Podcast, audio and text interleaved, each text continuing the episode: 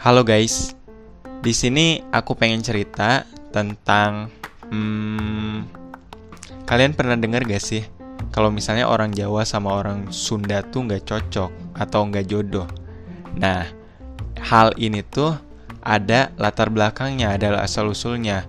Asal usul ini berasal dari sejarah di masa lalu antara konflik di antara dua kerajaan yaitu kerajaan Majapahit sama kerajaan Pajajaran. Nah, jadi waktu itu tuh raja yang sangat berjaya di masa kerajaan Majapahit itu adalah Hayam Wuruk. Hayam Wuruk punya Mahapati yang kita tahu lah dengan sumpah palapanya secara terkenal itu yang beliau adalah Gajah Mada.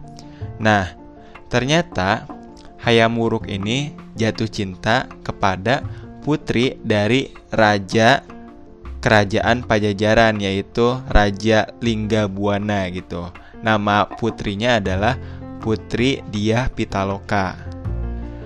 Putri Diah Pitaloka dan Hayam Wuruk ini saling jatuh cinta.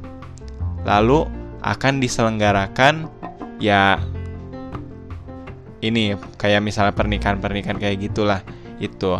Nah, tapi Mahapati Gajah Mada ini punya pandangan lain, punya sudut pandang lain karena dia tuh sangat kekeh terhadap sumpah palapanya, sangat wah benar-benar ngebet gitu untuk menguasai Nusantara untuk menguasai daerah yang suas-suasnya. Sedangkan pada saat itu kawasan ataupun wilayah dari terutama tanah Sunda ini yang berada di bawah naungan kerajaan Pajajaran ini belum dikuasain sama kerajaan Majapahit.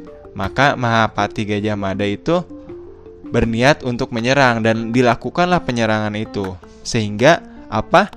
Menyebabkan ayah dari Putri Diah Pitaloka itu meninggal, mati karena perang itu. Perang itu dinamakan perang Bubat. Nah, tahu ayahnya mati, tahu kerajaannya udah diserang, maka Putri Diah Pitaloka itu bunuh diri. Jadi kayak gitu ceritanya.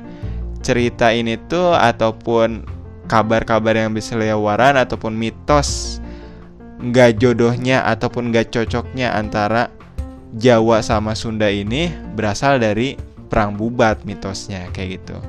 Oke, cukup sekian. Terima kasih. Alsioran.